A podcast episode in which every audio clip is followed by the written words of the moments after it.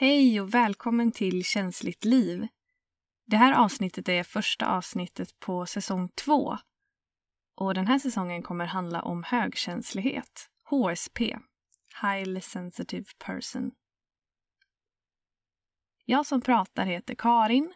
Jag är själv högkänslig och yogalärare, samtalsterapeut för högkänsliga och retreatledare för högkänsliga. Du kan läsa mer om mig och vad jag gör på min hemsida känsligtliv.se. Eller följa mig på Instagram. Där heter mitt konto kansligt liv. Den här säsongen på podden kommer vara upplagd likadant som första säsongen. Med först ett prat om ett tema och sen en guidad meditation. Men just idag kommer det faktiskt bara vara prat. För nu kommer det handla om högkänslighet i allmänhet, vad högkänslighet är för någonting, hur högkänslighet kan uttrycka sig för olika personer och hur min högkänslighet uttrycker sig. Kanske känner du igen dig eller så upplever du din högkänslighet på ett helt annat sätt. Ta till dig det som känns sant för dig. Många av oss verkar ha fått lära sig från det att vi är små att det är fel eller något svagt med att vara känslig. Tänk om det inte är sant. Och i personlighetsdraget högkänslig så syftar ordet känslighet inte alls på svaghet eller skörhet utan på en sensitiv begåvning. Alltså att vi som är högkänsliga har förmågan att känna av, känna in och att vara extra medvetna. Man kan säga att vi är högmedvetna jag älskar det ordet, högmedveten. För det är en så fin beskrivning på vad högkänslighet egentligen handlar om. Vi är högmedvetna, alltså extra medvetna om vad som sker på insidan av oss själva och runt omkring oss och kanske till och med vad som sker på insidan av andra människor. Vi är extra medvetna om våra egna känslor, om våra tankar, om fysiska sensationer i kroppen och vi är högmedvetna om andras känslor och om stämningar och energier i ett rum. Du som är högkänslig har ett nervsystem och en hjärna som funkar lite annorlunda än hos de som inte är högkänsliga. Ditt nervsystem reagerar starkare på stimuli och sinnesintryck och din hjärna uppmärksammar detaljer och subtila saker som andra personer inte ens lägger märke till.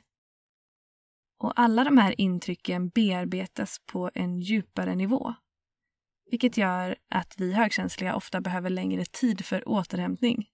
Men också att vi är väldigt skarpa när det kommer till analys och att hitta olika alternativ på lösningar. För vi tar in så mycket information. Vi tar in det automatiskt utan att vi behöver anstränga oss för det. Vi ser många möjligheter, ofta fler än vad icke-högkänsliga gör. Och vi har en stark koppling till vår intuition, magkänslan. Att känna på sig saker. Det är varken bra eller dåligt att vara högkänslig. Det är bara annorlunda. Det är ett sätt att eh, fungera som person. Det kan kännas ensamt att vara högkänslig i en till stor del icke-högkänslig värld. Men du är verkligen inte ensam, för ungefär var femte person är högkänslig. Och det verkar vara jämnt fördelat mellan kvinnor och män. Och högkänslighet förekommer också i de flesta djurarter. Högkänslighet är ett medfött personlighetsdrag och det är inte en diagnos, så du avgör själv om du vill kalla dig högkänslig. Det är ingen som kan sätta den etiketten på dig. Det finns självtester online som du kan göra och se om du känner igen dig i beskrivningen av HSP. Det som jag tycker är så häftigt är att det verkar finnas en evolutionär fördel att ungefär en femtedel av flocken har ett extra känsligt nervsystem och hjärnor som reagerar starkare på intryck och bearbetar de här på en djupare nivå. Det verkar behövas att en del av flocken känner av de andra individernas mående och har en stor förmåga till överblick över en situation och som ser många alternativ där de flesta bara ser en enda lösning och att kunna avgöra om någon håller på att bli sjuk i flocken. Att känna av en annalkande konflikt. och att reagera på subtila ljud eller stämningar. Så högkänslighet finns för att flocken ska överleva. Det är ett viktigt personlighetsdrag. Det är en gåva. Det är en superkraft. Men det kanske inte är helt lätt att ta till sig det om det är så att du upplever din högkänslighet som ett hinder eller en svårighet. Inte konstigt alls om det känns så, för samhället verkar ju till stor del vara konstruerat efter de 80 procent av befolkningen som inte är högkänsliga. Så kanske upplever du din vardag som väldigt intensiv, kanske kaotisk ibland med alla intryck och känslor och tankar. På ett sätt är det väldigt intensivt att leva som högkänslig. Det är att dippa ännu djupare när det är obehagligt. Men också kunna njuta ännu mer när det är behagligt och härligt. Så man kan säga att det är att ha ett bredare känsloregister. Jag upptäckte att jag är högkänslig 2016 efter att jag hade läst en bok om det jag kände till begreppet sen innan, men jag har försökt motarbeta min känslighet sen jag var barn. Så jag ville först inte kännas vid det. Hela min uppväxt och särskilt i skolan så såg man mig som blyg. Och jag har blivit uppmanad att träna på att ta mer plats och tåla mer, tåla kritik. Bita ihop, bli bättre på att klara av röriga miljöer, höga ljudnivåer skaffa mig skinn på näsan. Och jag tränade och tränade så hårt på att bli hårdhudad och klara av jargong och inte reagera så starkt på allt som hände. Och också att logiskt alltid förklara mina känslor. Och jag blev rätt bra på det här. Det var inte fel att träna på det. Den träningen gjorde mig nog till till exempel en bra pedagog för den har fått fram mina ledaregenskaper och den har gjort mig modigare. Men det blev ju på bekostnad av mina ursprungliga sensitiva sidor. När jag i några år hade pluggat och jobbat inom områden som krävde prestation och konkurrens och jag hade kapslat in min känslighet alldeles så kom till slut en gräns jag gick rakt in i väggen. För jag hade kört över mig själv fullständigt. Och kört över min känslighet fullständigt. Och där någonstans så fick jag höra om begreppet highly sensitive person. Och när jag erkände att jag är HSP så var det en så stor lättnad. Det var en stor igenkänning att läsa om det. Och läsa om att det jag kände och upplevde var jag inte ensam om. Jag sökte mig till HSP-terapi, alltså samtalsterapi för högkänsliga. Och där fick jag hjälp att öppna upp för min känslighet igen, för den fanns ju kvar någonstans inuti. Och jag fick hjälp att plocka ner alla murar som jag byggt upp omkring mig för att tåla verkligheten. Och efter det så började jag välja helt nya sammanhang som fungerar för mig. Bort från prestation och istället till vänlighet. Till människor som låter mig vara den jag är. Till människor som är känsliga som jag. Och till en tillåtande form av yoga. Som jag faktiskt undervisar i nu. Och i dessa sammanhang så blommade jag ut till slut. Här är jag inte blyg eller obekväm, för jag trivs i dem. Och jag behöver inte låtsas att jag tål mer än vad som känns okej okay för mig. När sammanhangen funkar så funkar jag. Och i de sammanhangen så är högkänsligheten min styrka och en gåva. Det är som att jag har mitt nervsystem utanpå kroppen på något sätt. Med tentakler som ger mig information och medvetenhet om vad som händer omkring och inuti och istället för att det ska bli överstimulerande bara så kan jag navigera efter det nu. Så det är som sagt inte bättre eller sämre att vara högkänslig. Det är bara annorlunda. Men du som är högkänslig behöver välja sammanhang och ett liv som fungerar för dig. Där din stora medvetenhet får blomma. Där du får leva i lätthet. Och nu ska jag prata om det här att vara unik med sin högkänslighet. För alla högkänsliga personer är olika. Man kan vara högkänslig på olika sätt. Kanske är du fysiskt högkänslig och upplever kroppens signaler extra starkt.